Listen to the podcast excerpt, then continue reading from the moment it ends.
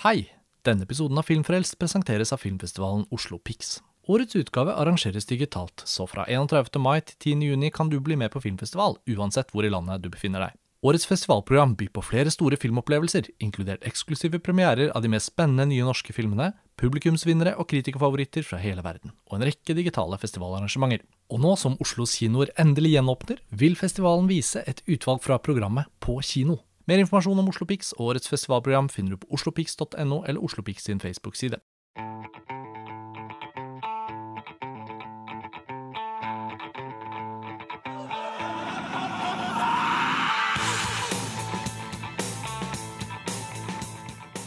Hei, og velkommen til en ny episode av Filmfrelst, podkasten fra filmtidsskriftet montasj.no.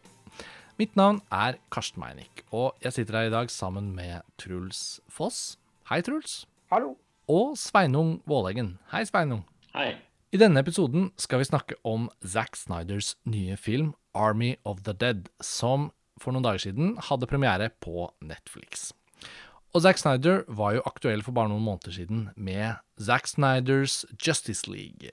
Hans egen klipp av Justice League som kom på kino for noen år siden, og som da han måtte gi fra seg til Joss Whedon av familiære årsaker. Det var jo en tragedie der hvor datteren hans døde, og Zack Snyder har jo da på mange måter returnert nå, etter noen år i dvale. Kan vi ta en liten runde før vi begynner å snakke om Army of the Dead, på hvor Zack Snyder har vært egentlig alle disse årene, og hvor vi står på hans uh, retur nå?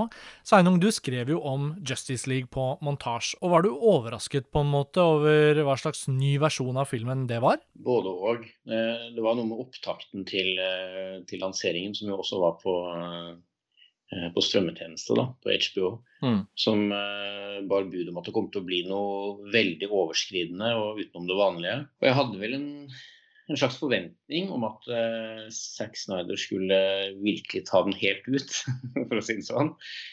Og sånn sett så leverte filmen veldig, men at det skulle være et så stort verk, både i lengde og, og liksom, ja, volum, det hadde jeg vel kanskje ikke forberedt meg på. og jeg nå, nå, har jeg aldri vært blant montasjeredaksjonens største Snyder-fans. Jeg har, har, vært veldig fascinert av han hele veien. Men det har også vært noen av de eh, sånn smaksmessige valgene hans som jeg noen ganger har, som har skåret litt i ører og øyne. Mm.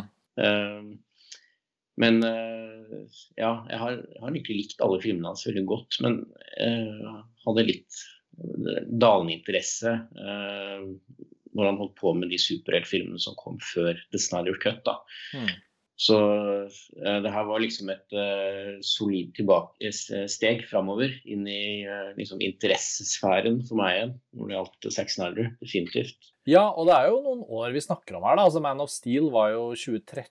Og hvis vi skal gå tilbake til liksom en i hermetegn original Zack Alder-film som kom, så er jo Sucker Punch Det er 2011. Altså Det begynner jo å bli ti år som han har på en måte dedikert seg til til um, superheltenes uh, tjeneste. Truls, uh, hva tenker du om Zack Snyder den gang og nå, på en måte, om det har skjedd noe forskjell på veien? Jeg føler jo, jeg likte Dawn of the Dead veldig godt, så det er en veldig vanskelig periode med 300 i starten, før jeg endte opp med å omfavne det veldig. Det var et sånn tydelig brudd for min del der, hvor det gikk fra å være litt sånn elsk-hat til å bare bli elsk. Mm.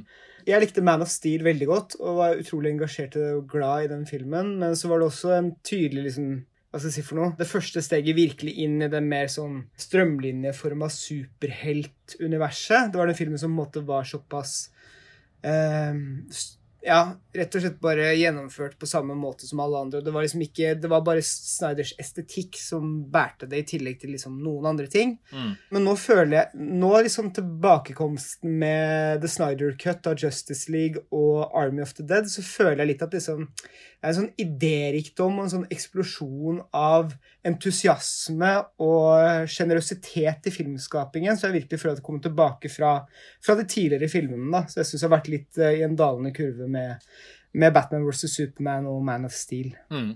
Hvis vi liksom skulle oppsummere for de av lytterne som ikke helt har fulgt med på Zack Snyder, da, så spillefilmdebuterte han jo da med zombiefilm-remaken Dawn of the Dead i 2004. Og så kom jo 300 i 2006, som ble jo et enormt gjennombrudd. Den filmen spilte jo inn veldig mye penger, men introduserte jo også veldig mye av den estetikken som vi nå forbinder med Zack Snyder, og som så mange andre filmskapere har etterapet. da og som Hollywood strakk seg veldig etter i de årene der etter 300. Mm. Og så kom jo Watchmen i 2009, som kanskje mange anser som det egentlige mesterverket blant de filmene, da. Uh, legenden om vaktuglene, som jeg må erkjenne jeg aldri har sett, da, animasjonsfilmen. Den er helt fantastisk. Ja, det er mange som har sagt Jeg har kjøpt den på Blu-ray, så det er egentlig bare en forglemmelse at jeg ikke bare har sett den. Ellers har jeg sett alle de andre. Det er virkelig en varm anbefaling, for animasjonen i den filmen er helt, helt, helt fantastisk. Og det er en slags Ringenes herre-fortelling, da. Det òg. Ja, men Det er bra, bra du nevner det, Truls. Jeg skal faktisk nappe den ut av hylla her. Eh. Og, og Sucker Punch kom jo året etter 2011, som vi sa i stad. Så det er liksom sånn, det er på en måte et sett med filmer som introduserer en filmskaper som veldig mange ble opptatt av. Vår kollega Lars Ole Kristiansen, som jeg vet akkurat nå i dag sitter og smir en tekst om Army of the Dead, som han skal få lov å jobbe med, og så kan vi sitte og snakke om film på podkasten. Men så kommer jo da Man of Steel, så kommer Batman vs. Superman Dawn of Justice, og så kommer Justice League, og så ligger han jo da i, i dvale da i noen år etter alt som har skjedd. Så det føles jo ut som at 2021 er litt sånn the return of Zack Snyder. Kan vi si det sånn, Sveinung, syns du? Med, med, tanke på å gå inn i Army of the Dead uh, i samtalen? Ja, absolutt, det syns jeg. Uh, som, uh, bare sånn for å understreke det, hvis ikke det var klart i stad, så har jeg eh, Jeg er enig med Truls. 'Vaktuglene' det er en fin film. Jeg syns ikke den var fantastisk, men jeg syns den er veldig fin. Jeg liker at den fikk litt plass. Det er hyggelig. Og jeg har likt Batman vs. Supermann. Syns jeg var tung kom ennå, men eh, jeg har ikke fått sett, uh, sett den på nytt. Men Da vil jeg også si at Directors Cut-utgaven er betydelig bedre. Ja, iallfall så er det liksom mest det Det er ikke først og fremst det at de eh, superheltfilmene hans ikke har vært interessante, men Eh, det har gått med, som du var inne på, så har det gått med så mye tid. Og jeg har liksom venta på at det skal komme noe nytt, og kanskje litt mer originalt. At mm. Zack Snyder skal liksom utvikle seg kanskje i en annen retning. Og så har han jo på en måte ikke gjort det med Snyder Cut av Justice League, men han har bare virkelig maksimert det superheltuttrykket sitt. Uh, og uh, på en måte føles bare som Det er ikke bare det at det har vært The Return of the Zack Snyder, men det føltes også som en slags sånn revitalisering av hele den sjangeren. Mm. Så nå er det jo virkelig sånn Ok, nå, eh, nå kjente jeg at nå, nå, er jeg klar for mer eh, Snyder. Og, eh, spennende å trykke play på Netflix-knappen. Ja. Jeg er enig i at det er en slags revitalisering, men i tillegg så syns jeg de to siste filmene nå, i sammenligning med hans tidligere mer originale verker eh, Man kan jo ikke si punk, men allikevel så kalle det en slags kommersiell punk, så er det liksom en det er, det er, litt, det er mer rufsete og mer punkete tilbakekomst enn hva det var på midten der med superheltfilmene. Det syns jeg. Mm. Ja, og så Army of the Dead, da, som står i fokus i denne episoden, den har jo vært en litt sånn her under radaren-rakker som eh, sikkert han har da jobbet med i flere år, men, men på grunn av at dette Snyder Cut og Justice League og denne mega markedsføringskampanjen til Warner eh, slash eh, HBO Max. ikke sant? Det er jo på en måte, Man må liksom skille mellom hva det er som er at Zack Snyder bare sitter og lage greiene sine, og det at eh, Warners bruker jo disse veldig påkostede produksjonene hans til å prøve å på en måte få revitalisert superheltuniverset sitt også, og eh, selge strømmetjenesteabonnementer. Men så har han da i likevel i de årene eh, eh, gått til Netflix og fått en film i produksjon der som Og det vet vi jo om Netflix nå, at man kan si hva man vil, og, og vi kan jo snakke litt om dette med med kino og kinokultur eh, senere. Dere er jo begge programsjefer på hver deres kino nå. Sveinung, du er jo daglig leder også på Verdensteatret i Tromsø. Og Truls, du er programsjef på Vega Scene i Oslo. Og man må på en måte snakke litt om strømmetjeneste versus kino når det kommer til Zack Snyder, for han lager jo så kinovennlige filmer. Men Army of the Dead har jo i hvert fall blitt et veldig sånt fritt filmverk. Jeg syns det preger filmen veldig at her er det ikke ikke den typen eh, studiopåvirkning da, som åpenbart har skjedd hos Warner.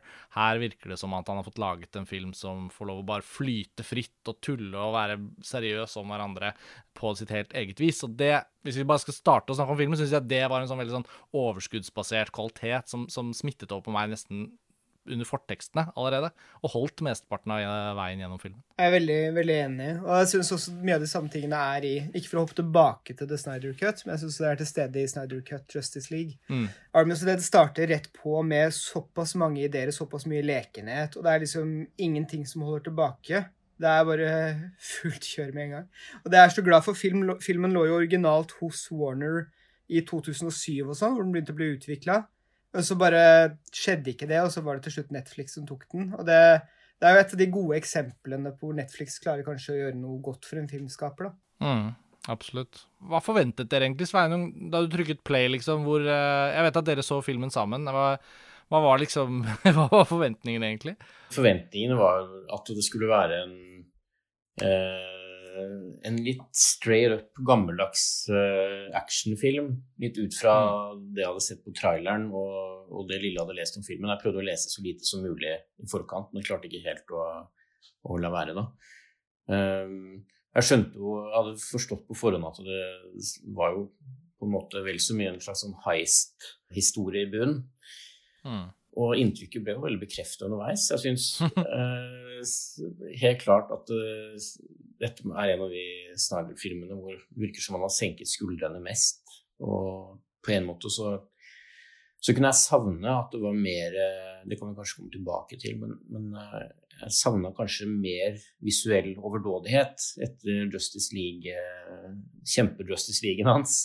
Og med, at, tanke, med tanke på at filmen er satt i Las Vegas og, og alt. men det var noe veldig befriende også eh, å bare kunne sette seg ned og se en sånn ja, actionfilm av godt gammeldags merke.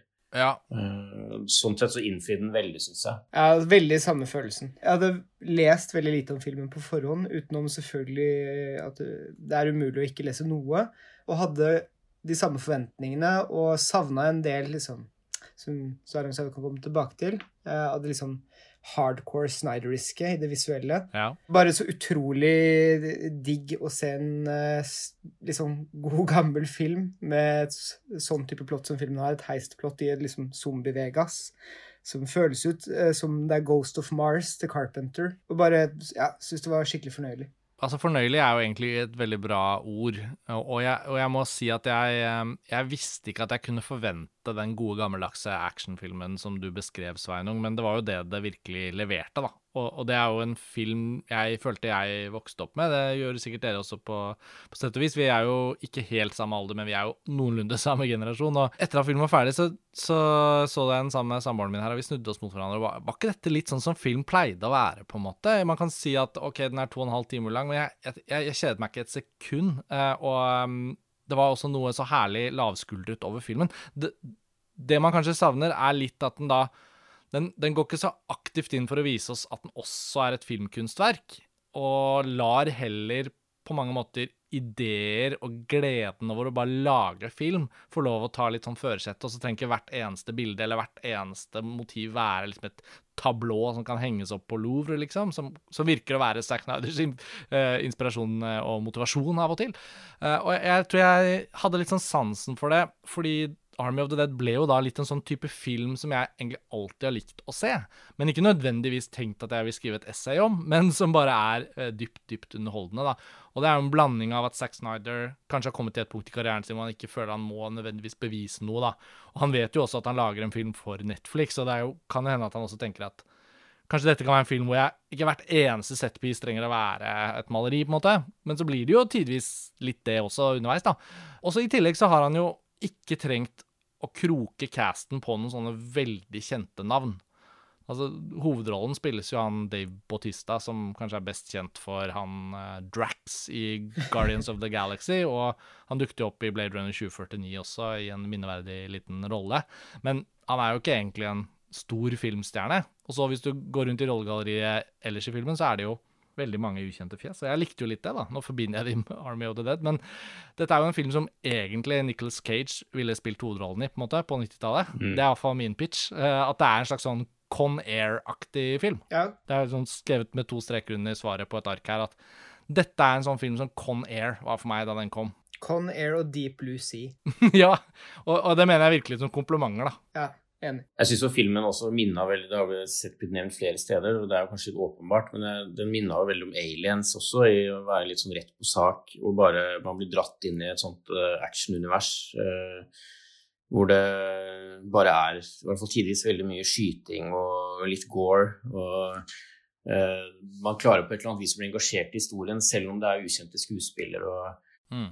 og ja, ikke så veldig mye sånn visuell ekstravaganse, da. Og samtidig så tenker jeg at er det nødvendig med mer av det samme som vi har sett hos Snyder før nå etter den uh, The Snyder Cut? Altså han, han, han har på en måte for min del veldig reindyrka den estetikken som jeg har blitt glad i hos han, i hvert fall. Og sånn sett så var det også befriende at han bare tok det litt ned på jorda igjen.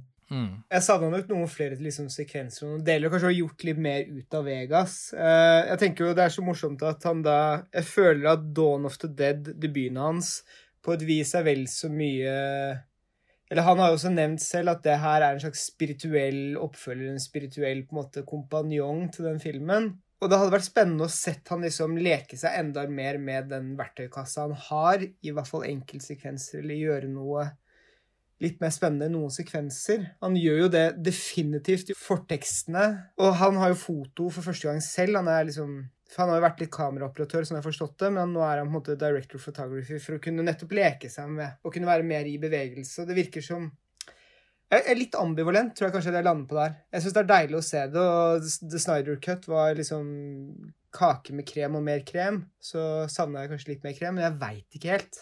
Det er fint å se han gjøre noe annet. Ja, altså Det er et morsomt poeng du har der i forhold til dette med Han har jo tatt en sånn Paul Thomas Anderson i Phantom Thread-aktig grep her, hvor han, um, hvor han, går inn og liksom blir sin egen director of photography. Men han har jo lagt inn et sånt lite, lite påskeegg til han Larry Fong. Jeg vet ikke om dere har merket det, men det er en sånn reklameplakat i bakgrunnen i Las Vegas der på en bygning, hvor det står noe sånn Larry Fongs, bla, bla, bla. Så eh, det er åpenbart sikkert en god stemning mellom dem fortsatt, da. Mm. Han har jo vært en litt sånn kanskje undervurdert eh, fotografautør bak det at Zack Snyder hele tiden har fått eh, creden, så har jo han også gjort mye bra. Jeg syns det var jævlig bra foto i den Kong Skull Island, av alle ting. En film som jeg tror vi knapt har snakket om på montasje, men som er en sånn, her, typ sånn actionfilm som kom og gikk. Men han har, han har, jobbet på den og flere andre ting. Så det, det kan nok hende at Larry Fong er litt savnet her, og det er litt vanskelig å vite hva det er han har bidratt med da, i de mm. filmene han har gjort med, med Zack Snyder. Men um, jeg syns jo foto i Arm of the Dead tidvis er veldig sånn funksjonelt og, og action Altså det er drivende på en sånn actionfilmskapermåte, men ikke på den der tablåmåten som Snyder har dyrket så veldig i de andre filmene. da. Jeg så sånn, det bakom-filmen som ligger på Netflix. Nå ble det mye sånn referanser og sånne type ting, bare for å få det unna. Ja.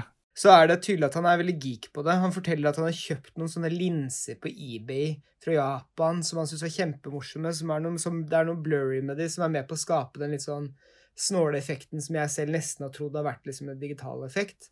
Mm. Uh, og så har han bygd inn i noen kamerahusting og hatt det skikkelig morsomt med det. Uh, så tydelig at det, det, har nok også vært en lekeplass for han å få den muligheten. Ja, der, der, der, er, men, men, det var noe av det jeg tenkte på i stad, at filmen føles jevnt over som den har en veldig sånn leken kvalitet. Et overskudd og en, en mm. sånn Ja, det er ingen som har liksom hatt det kjipt på sett. Alle har hatt det hyggelig, det har ikke vært noe skandale. Altså du bare, bare, merker at den er veldig sånn preget av noe overskudd. Eh, og det er vanskelig å si akkurat hvor det skjer, og det er jo ikke noe lavbudsjettsfilm, dette her. Og det er jo sikkert mange ting som har stått på spill. Men på et sett og vis så har jo Netflix en merkelig businessmodell òg, da. Hvor de bare langer ut budsjetter og så bare kommer filmen, og så er det jo ikke noe mer med det. Den bare kommer og er der, og så går de videre og byr på noe nytt neste gang. En eller annen dag går kanskje de tom for penger òg, men foreløpig så virker det jo som det kan fungere på den måten. da. Uansett om man ser alle disse originalfilmene Netflix presenterer, så er det jo noe med at de byr jo på stor variasjon, og det kommer noe nesten hver eneste uke i en eller annen sjanger som, som folk kaster seg over. Og etter å ha sett filmen, så tenkte jeg også oh, denne kommer mange til å se. Mm. Det er sannsynlig synd vi ikke får besøkstallene, men uh, ja, det er jo også litt irrelevant. Vi har ikke sagt noe særlig om plottet her, da, bortsett fra at det er en heist-film med zombier. Um, jeg har et par kritiske innsigelser mot filmen som går litt på hvordan den liksom egentlig forteller historien sin. Skulle vi bare beskrevet litt av det som skjer? Mm. Her er det jo da et zombieutbrudd i Las Vegas som har blitt uh, på en måte begrenset til Las Vegas ved at uh, resten av menneskeheten har montert dette enorme konteinerbaserte gjerdet, som på sett og vis virker å fungere helt ypperlig. Uh, det er jo litt rørende hvor enkelt uh, de har klart å sperre dem inn nå. Og så er det da en eller annen sånn mystisk riking som oppsøker Dave Bautistas karakter og sier at det er noen penger der i et kasino som vi trenger. Og du altså, I fortekstene så blir vi jo kjent med alle disse folka som har vært sånne zombie hunters, da. Som da får oppdraget. Og da er det jo litt sånn Oceans Eleven-style. At han må samle et team med de beste folka som kan være med å gjøre jobben. Og en er skapsprengerekspert. Uh, og jeg føler liksom at hele den biten av filmen er veldig sjarmerende. Men hva syns dere om funksjonen til disse alfazombiene, eller hva vi skal kalle de, de master-zombiene, som har liksom sin egen sånn uh, intelligens der inne? Syns dere den biten av plottet fungerte like bra? Ja, i og for seg. Jeg syns det var et, uh, et nysgjerrighetsskapende element når denne zombiekongen Zeus uh, dukka opp. Uh, og hva slags type karakter han skulle være. ja, for Jeg følte det var litt sånn utnyttet greie. da, at liksom Idet de kommer inn der og de får den der første så hun sier sånn 'vi må gjøre et offer' og alt det der. Det var veldig morsom, overraskende. Der er filmen veldig sånn at det skjer noe nytt hele tiden, ja. og man blir overrasket for det.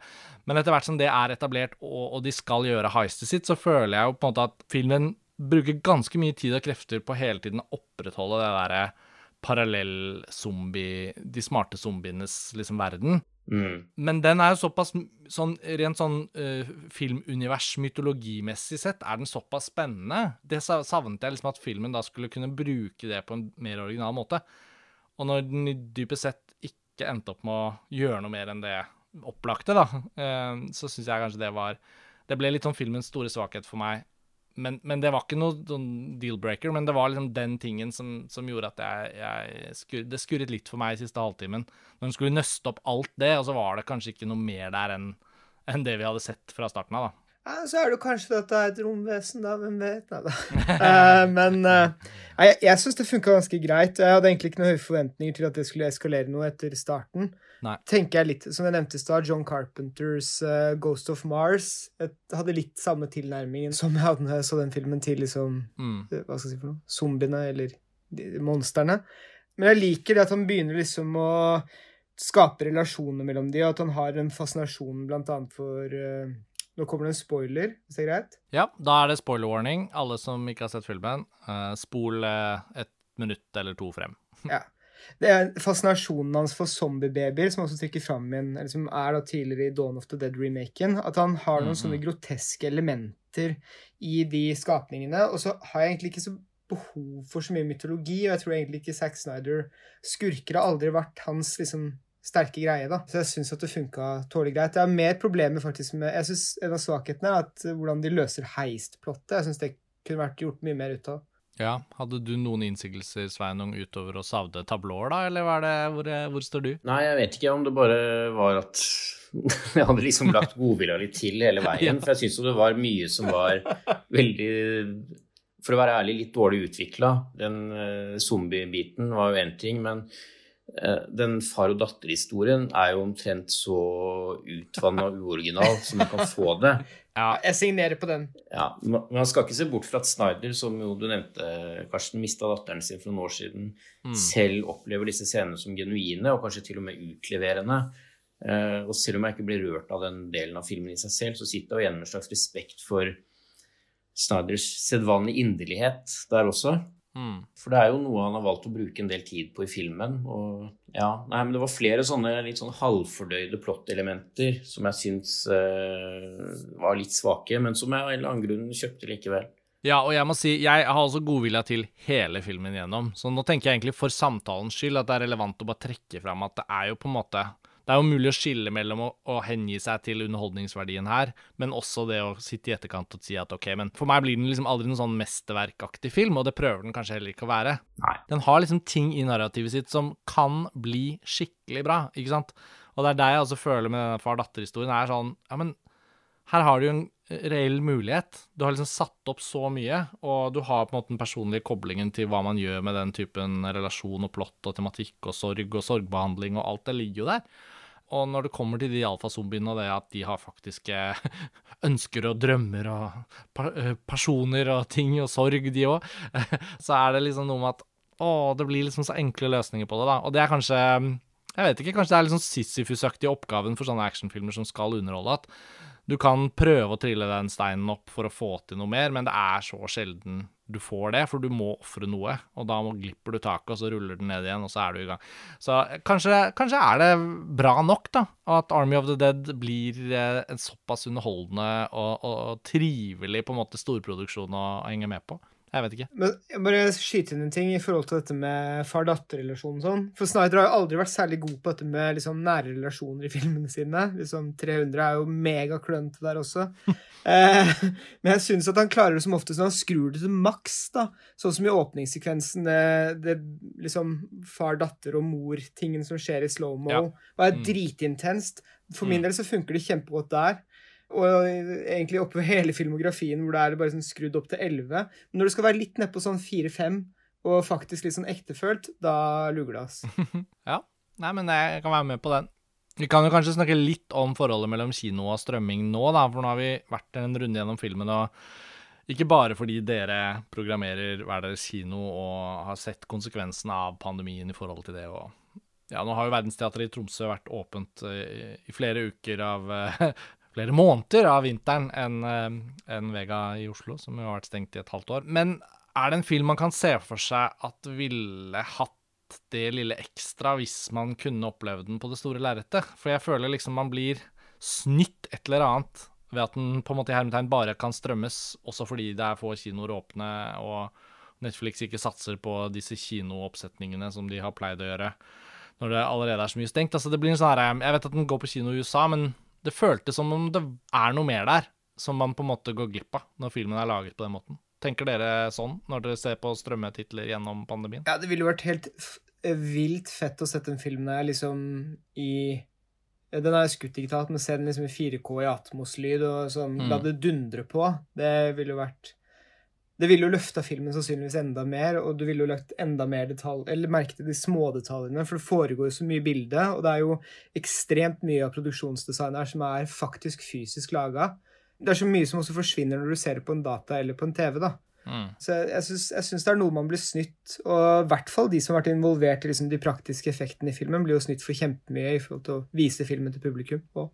Ja, ja, jeg er enig, enig med Truls. Jeg tror Hvis jeg hadde sett den på kino, så hadde den nok ikke løfta seg til å bli noe jeg ville omtalt som et mesterverk uansett. Det ville liksom, Jeg opplever det som litt corny møte med en sånn type film, og, og liksom prøve å sette et sånn type stempel på den, for det er liksom ikke helt det den er. Men jeg tror det hadde blitt en enda bedre opplevelse hvis jeg hadde sett den på kino. Eh, spesialeffektene var eh, gode nok, og hvem vet, kanskje jeg hadde syntes de hadde vært bedre på kino, eller kanskje jeg hadde syntes de hadde vært uh, falt gjennom. Det er vanskelig å si. Uansett så er ikke det noe jeg bryr meg så kjempemye om, men jeg tenker særlig på uten å spoile det, da, en sekvens mot slutten av filmen hvor det er veldig heseblesende action med et helikopter som tar av fra tak, og Uh, spenningen uh, skrus til litt ekstra, og det, mm.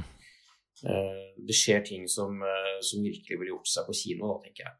Mm. Jeg er enig. Og så er det jo jeg, Det er jo veldig bra effekter sånn på et sånn standard bra nivå. Jeg tenker den holder jo veldig høyt nivå. Men det er jo ting som har skjedd her som også er litt sånn ekstra imponerende. da. En ting er jo at den har vært i utvikling lenge, som du nevnte, Truls, at det er vel sånn hit og dit, og så har den endt opp på Netflix. Og om det fins noe såkalt et Netflix-look, så, så syns jeg jo ikke denne filmen preges så veldig av det. Jeg føler at det er så veldig åpenbart først og fremst at det er en Zack Snyder-film som skiller seg litt fra de andre tingene han har gjort, men mm. den har liksom det. Og det ville den hatt uansett om den ble laget hos Netflix eller ikke. Men, men det er sånne hendelser sånn som hele dette med at en av skuespillerne er byttet ut i sin helhet, da. Det syns jeg er litt fascinerende. Altså, vi har jo hatt tilfeller i filmhistorien, nyere filmhistorie, hvor skuespillere har uh, f.eks. Uh, dødd da, underveis i en produksjon, sånn som Paul Walker eh, i Fast and Furious 7, som jo ble på en måte beholdt i filmen, og så det de ikke hadde fått filmet, sydde de sammen ved hjelp av brødrene hans og, og, ansiktet hans fra takes og filmer ting de hadde gjort tidligere. Altså, de bare patchet sammen da, Paul Walker som et slags spøkelse for å gjøre ferdig Fast and Furious 7. Det som har skjedd i Army of the Dead, er at en skuespiller som har blitt avslørt som en uh, fyr som driver med trakassering i, av ulik art uh, Jeg har ikke satt meg inn i hele den saken, men han ble uansett i hvert fall byttet ut med en ny skuespiller. Og hun har da gjort hele rollen på blanding av green screens og små sett, og, og, og liksom imitert i samme tempo og samme lignende stil som den andre skuespilleren, og så blitt sydd inn i filmen. Og hvis man ikke vet det, så hadde man aldri tenkt på det. Det er altså så bra utført da, og integrert at man tenker ikke et sekund på at det kunne være tilfellet. Det, det åpner jo noen nye dører da, i en sånn utrolig sånn sammensatt post metoo-virkelighet, hvor, hvor, du vil kunne ha filmskapere som i hermetegn noenlunde enkelt da, kan gå inn og bare bytte ut folk. Litt av en um, tid vi lever i. Jeg visste heller ikke det, men jeg leste det i stad. Jeg, jeg, jeg tenkte ikke et sekund over det i filmen. Nei. Jeg, jeg, visste det før jeg så filmen, men jeg glemte det. Og så ettertid tenkte jeg det var jo helt umulig å tenke på eller legge merke til. Og så kan man jo si hva man vil om det. Jeg, jeg har på ingen måte satt meg inn i saken. Jeg kan ikke navnet engang på den skuespilleren som opprinnelig spilte rollen. da. Men jeg bare tenker, uavhengig av hva som skjedde der, så tenker jeg at som et tilfelle av filmteknologisk eh, utvikling, da, så er det ganske fascinerende. Hvem er det, hvem er det det er snakk om? Går det an å si det? Helikopterpiloten. Ja, akkurat. Mm. Bare kom jeg på en ting som er verdt å nevne om filmen, også om eh, Snyder-verk. Eh, den har jo definitivt fører jo videre den derre schizofrene tonen til Snyder med når vi snakker om stemning, og gå fra ulike stemninger helt sånn retningsløst. Eh, mm. Til tider føles iallfall veldig umotivert, men allikevel så er det veldig fascinerende. Og sånn sansen for å blande voldsomt lyddesign med et soundtrack som aldri får helt lov til å brette seg ut og vise seg fram, med disse liksom hva skal jeg si for noe, ganske smakløse coverlåtene som noen treffer, og andre ikke. Det var elementer jeg er også veldig glad for å returnere til, på godt og vondt. Mm. Det er så rart, man, for følelsen som Zack Snyder er både en ganske kul fyr og en ganske sånn teit fyr på samme tid. Og av og til så slipper den ene siden av han litt mer igjennom enn man kanskje skulle likt. Og jeg er helt sikker på at uh, det fins en liten prosent av Zack Snyder som også er en sånn skikkelig åndssnobb, som egentlig vet bedre enn alle sine venner. Men han tør liksom ikke helt være han heller, for han skal også være litt sånn en fyr du kan drikke en øl med og snakke om amerikansk fotball med. Liksom. Så, uten å vite noe særlig om hvem han er som person, så føles det som det pågår en slags sånn indre strid. da, Og i, i, Army of the Dead så kan det komme sånne glipp hvor man skjønner, sånn som du sier om musikkbruken, eh, så er det veldig sånn hm, hva var dette, liksom? Og så beveger filmen seg videre, og så tenker man ikke noe mer over det. Men det er jo litt morsomt. For Junkie XL har jo virkelig liksom blitt et navn siden Mad Max Fury Road. Og han har jo soundtracket her også. Men man sitter jo ikke etterpå og tenker åh, det var dritbra soundtrack. Kanskje man husker noen senere sekvenser og litt forskjellig, men det, er, det sitter jo ikke i det hele tatt, syns i hvert fall jeg, da. Nei, jeg tror ikke jeg har tenkt nesten noe på det. Jeg tror det som jeg la best merke til, var de sekvensene hvor han brukte en eller annen låt, om det var coverlåt eller hva det var. Og, og litt sånn spillet på Las Vegas-greia, da. Uh, og det er litt sånn funny ting. Jeg syns alt det med den zombie-tigeren og sånn er fantastisk. Det er sånn gøy, det er sånn over the top-ideer. Uh, det eneste som manglet, var liksom zombie Celine Dion som kommer uh, fra liksom showet sitt, eller Mariah Carey eller en av de som har hatt sånn her uh, kasinoshow. Det var sånn, sånn der, der kunne den filmen gjerne for min del bare dratt det enda mye lengre, da. Fordi den eventuelle samfunnssatiren eller, eller, sparket til hva skal vi si, kapitalismen eller Det er ikke sånn Det føler jeg filmen nesten har endt opp med å ikke bry seg om å gjøre noe ut av engang. Men igjen, der tenker jeg at han, han, gjorde jo ikke det i Dawn of the Dead heller. Dette er jo på en måte Dawn of the Dead de luxe. Liksom, kjøpesenteret er bytta ut med Las Vegas, og han syns mm. det er jævlig fett å filme i det, og det holder for han. Ja, det er, det er akkurat det. Og så prøver han seg på noen sånn politiske kommentarer, sånn at det er noen folk som er noen som flyktningcamper, og så er det politisk ja. Men det, det, funker jo ikke, det Og så er det de folka som er dette superteamet, er jo litt sånn avdanka veteraner som bare har fått dårlige jobber etter at de har gjort en tjeneste for landet. Men nei. altså, men nevnte jo aliens i stad, da. Det er jo mye skarpere på en måte kapitalisme og samfunnskritikk i Alien og Aliens-filmene gjennom hele det corporation-greiene og alt det, enn det er i et minutt av Army of the Dead, på en måte. Den er jo, den er jo ikke opptatt av det. Men det ligger der bitte lite grann, og, og den er vel da innspilt sommeren 2019, hvis ikke jeg husker feil. Så den er jo på en måte Den er jo tatt opp i et klima hvor Trump fortsatt er president, og hele denne muren mot Mexico liksom, Man kan jo se at det er noen sånne allegorier, da, for å kalle det det, til det amerikanske samfunnet. Men filmen gjør jo nesten ingenting ut av det. Den er, når alt kommer til alt, mest opptatt av å bare være good piece of entertainment. Og det som vi har vært inne på, og det kan jo være en sånn, sånn oppsummerende tone, det var mer enn nok for meg, i hvert fall. Ja, samme. Ja, det var det for meg også. Eh, men det var, det var akkurat det der med den Las Vegas-settingen. Jeg tenkte at Zack Snyders vulgære teft og mangel på grensesetting ville vel kanskje føre til at det ville være noe litt mer LOL-øyeblikk. Det hadde vært gøy hvis han utnytta den settingen enda litt bedre, men det var på en måte mer enn nok med, med sånn drivende action og Han er jo veldig glad i farger, og Vegas her er jo veldig sånn Det har blitt veldig gjort om til nettopp ørkenen som ligger rundt Vegas. Det er ganske mye sånn Det er sand. Og det Du har jo veldig mye fargerike bygg i Vegas. Jeg hadde også, som Sveinung sier, sett for meg at han hadde liksom maksa uppa de elementene litt mer, da kontrasten er ganske stor til uh, de episodene av Twin Peaks The Return som jeg nå ser opp igjen.